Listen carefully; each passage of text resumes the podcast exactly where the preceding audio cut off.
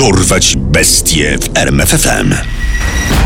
Imię i nazwisko. Sifo Tuala, Pseudonim. dusiciel z Phoenix. Lata działalności. 1994-1997. Liczba ofiar. 19. Wyrok. 506 lat więzienia. Durban. Licząca około 3,5 miliona mieszkańców metropolia i główny port Republiki Południowej Afryki, a zarazem największe miasto prowincji KwaZulu-Natal. Należy do najmniej bezpiecznych miast Afryki. W 2015 roku odnotowano w nim ponad 1200 zabójstw. Jego mieszkańcy i turyści boją się tu chodzić po zmroku. Przemoc nasiliła się w latach 90. Wtedy też działał tam jeden z najsłynniejszych seryjnych morderców pochodzących z Afryki, Sifo Tuala, zwany dusicielem z Phoenix. Urodzony w 1968 roku na przedmieściach Durbanu przestępca zamordował z zimną krwią 19 kobiet. Sifo Tuala przez całe dzieciństwo i młodość mieszkał w niewielkiej trzyizbowej zagrodzie w zuluskiej osadzie Kłamaszu. Żył tam razem z mamą, siostrą i jej mężem. Był uważany za niezwykle inteligentnego chłopca. Władał kilkoma miejscowymi językami. Mimo to ukończył tylko pierwsze klasy szkoły podstawowej, gdzie nauczył się czytać i pisać. Znajomi uważali, że jest wrażliwym i dobrym dzieckiem. Także matka nie mogła się go nachwalić. To taki grzeczny chłopak był. Zawsze pomocny. Wyręczał mnie w domu przy robocie. No normalny dzieciak po prostu. Tuala, jak każdy tradycyjnie myślący Zulus, przestrzegał skrupulatnie reguł rządzących jego społecznością. Opanował do perfekcji lokalne zwyczaje, a ich znajomość stworzyła w jego umyśle specyficzną filozofię, która towarzyszyła mu później w dokonywaniu potwornych zbrodni i zacieraniu śladów. Jako dziecko lubił bawić się w zabijanie, ale impulsem, który przekształcił te chore fantazje w rzeczywistość, stała się aborcja, której dokonała jego ówczesna dziewczyna. Sifo potrafił czarować kobiety. Wyszukiwał te, które mu się podobały, koniecznie z ludu Zulusów i proponował im pracę w okolicy. Hej, nie chcesz dobrze zarobić? Tu niedaleko? No, w sumie, czemu nie? To chodź ze mną. Mam coś na oku w sam raz dla takiej fajnej dziewczyny jak ty. Sympatyczny Sifo, by zakraść się w łaski przyszłych ofiar i zdobyć ich zaufanie, używał lokalnego narzecza. Gdy kobiety zgadzały się na jego ofertę, prowadził je na pobliskie pola trzcinowe w pobliżu Mount Edgecombe. Tam były przez niego gwałcone, a następnie duszone. Pierwsze znalezione ofiary tuali miały związane razem nadgarstki i kostki. W tradycji zuluskiej w ten sposób postępuje się z zabitymi zwierzętami, owcami i kozami.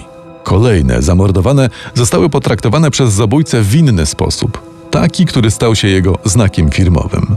Tuala zabierał odzież ofiar jako trofeum, a następnie, po powrocie do domu, splatał ją ze sobą w przeróżne wymyślne węzły. Tymi sznurami dusił i związywał ciała mordowanych kobiet. Miał totalną obsesję na punkcie pozbawiania życia ofiar w ten właśnie sposób. Nie bez znaczenia było także miejsce, w którym dokonywał zabójstw. Na okalających jego dom plantacjach trzciny cukrowej mężczyzna czuł się bezpiecznie i spokojnie, niemal jak król tej okolicy. Pewną bezczelnością z jego strony było też droczenie się z policją. Nie wierzę. Które to już ciało porzucono dokładnie w tym samym miejscu? E, Szóste? Nie, siódme. Podczas gdy policja znajdowała kolejne zwłoki kobiet leżące na miejscu poprzednich, morderca spokojnie obserwował jej poczynania sprzed swego domu. Czerpał satysfakcję z prowadzonej przez siebie swoistej gry, a także uznawał, że w ten sposób kontroluje całą sytuację. Do pewnego momentu tak właśnie było. Lubiany, nie wadzący nikomu Tuala nie był bynajmniej na celowniku śledczych. Gdy liczba ofiar przekroczyła 10, lokalna policja, przyciśnięta przez steroryzowanych mieszkańców osady leżącej koło południowoafrykańskiego Phoenix, zdała sobie sprawę, że musi poważnie wziąć się za śledztwo. Detektyw prowadzący, Filip Welthizen, postanowił stworzyć specjalną grupę śledczą, która miała na celu schwytanie seryjnego mordercy. Dla policji w Durbanie było to pierwsze w historii dochodzenie w sprawie seryjnego mordercy. Dodajmy, zakończone sukcesem. Zaledwie w sześć tygodni, zaledwie siedmiu policjantom przy pomocy psycholog kryminalnej udało się namierzyć i aresztować zabójcę 19 kobiet. Jak do tego doszło? Bardzo pomógł w tym opracowany przez wybitną psycholog kryminalną Miki Pistorius profil zabójcy. Twierdziła ona między innymi Prawie na pewno morderca i jego ofiary pochodzą z tego samego plemienia. Należy go szukać wśród lokalnej społeczności. Był to pierwszy profil opracowany całkowicie samodzielnie przez Pistorius. Okazał się niemal strzałem w dziesiątkę. Jedynym faktem, który nie zgadzał się do końca po tym, gdy aresztowano podejrzanego, było jego wykształcenie. Psycholog oceniła je na nieco wyższe niż w rzeczywistości. Prawdopodobnie dlatego, że mężczyzna był nieprzeciętnie inteligentny i sprytny. Dysponując profilem mordercy, grupa dochodzeniowa zaczęła gromadzić dokumentację dotyczącą każdej z ofiar. Następnie policjanci prowadzili żmudne działania, odwiedzając po kolei okoliczne posterunki i analizując notatki dotyczące zaginięć i morderstw w ostatnich latach. Zabezpieczali także materiał dowodowy na polach trzcinowych, co przysparzało im dużych problemów. O nie, dzisiaj ty tam idziesz. Wczoraj nie mogłem się tam opędzić od szczurów. Chłopie, mnie prawie ukąsił jadowity wąż. Plantacje trzciny cukrowej były gęsto zarośnięte i zamieszkane przez masę insektów oraz węży. Do tego po zbiorach trzciny wypalano je, co utrudniało zdobycie dowodów morderstw. Była jeszcze jedna przeszkoda. Stanowił ją strajk pracowników prosektorium. Z jego przyczyny siedmioosobowy zespół policjantów był również zmuszony na przykład do asystowania przy sekcjach zwłok czy do pobierania śladów biologicznych z miejsc zbrodni. Pewnego dnia jeden z policjantów, który akurat pełnił dyżur w prosektorium, dokonał makabrycznego odkrycia. Ciało, które dziś przywieźliście, to jest moja siostra. Poznaję po ubraniach. Szukała pracy, miałem nadzieję, że po prostu wyjechała. Śledczy wiedzieli już, że morderca zwabiał ofiary obietnicami pracy. Udało im się także zgromadzić pokaźny zbiór fragmentów odzieży, knebli i sznurów, który wskazywał na to, że zamordowane kobiety zostały pozbawione życia przez tego samego sprawcę. Prawdziwym przełomem okazało się natomiast zabezpieczenie DNA zabójcy na ciele jednej z zamordowanych kobiet. W tym celu ściągnięto z pretorii specjalistów medycyny sądowej. Wynik wskazał na mężczyznę figurującego już w policyjnych kartotekach. Mamy go.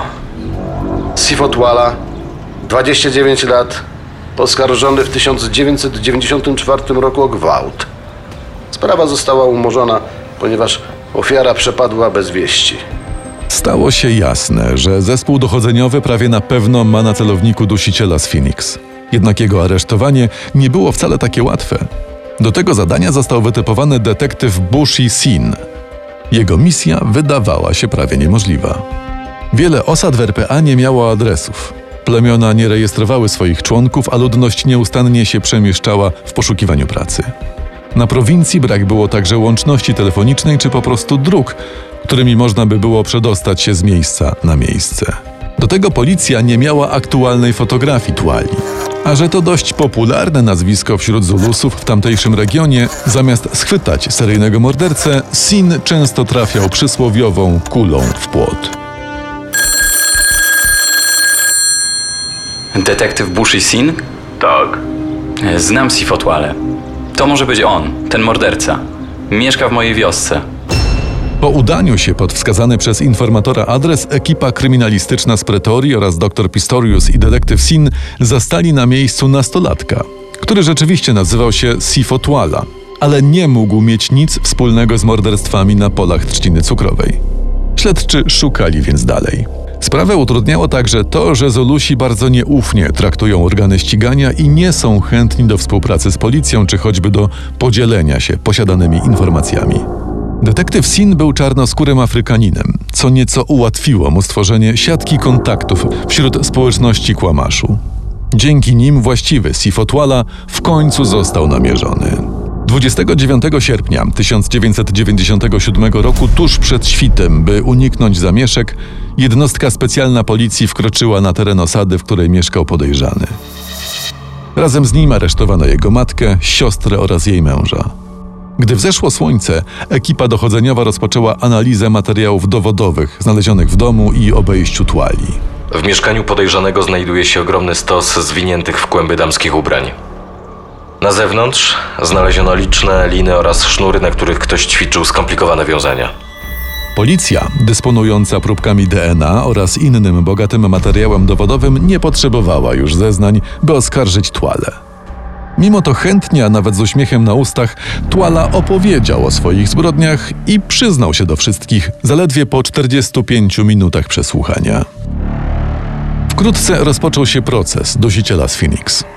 Jeśli chodzi o świadków, oskarżenie zrobiło wszystko, by znaleźć pierwszą ofiarę, której udało się przeżyć brutalny gwałt dokonany przez Tuale w 1994 roku.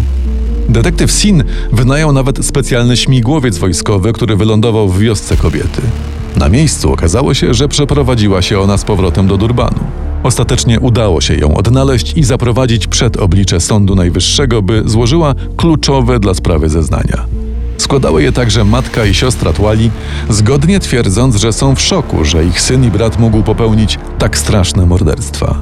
Jego matka powiedziała: Jak rozmawialiśmy o tym, kto zabił te kobiety, to był oburzony. Miał nadzieję, że sprawca szybko zostanie złapany. Swoją opinię w sądzie wyraziła także autorka profilu zabójcy dr Miki Pistorius.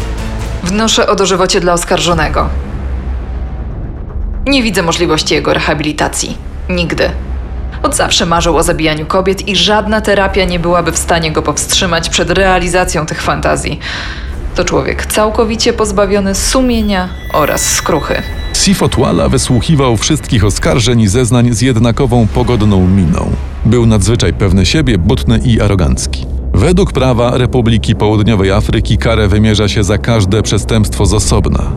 Na wyrok końcowy składa się zatem suma wszystkich wyroków. 31 marca 1999 roku sędzia Vivian Niles Dunner z Sądu Najwyższego w Durbanie uznała Tuale za winnego 16 zabójstw, 10 gwałtów i jednego usiłowania zabójstwa, za co sąd skazał go na 506 lat pozbawienia wolności. Był to drugi co do długości wyrok w historii wydany przez sąd RPA. Poznaj sekrety największych zbrodniarzy świata. Dorwać bestie w RMFFM.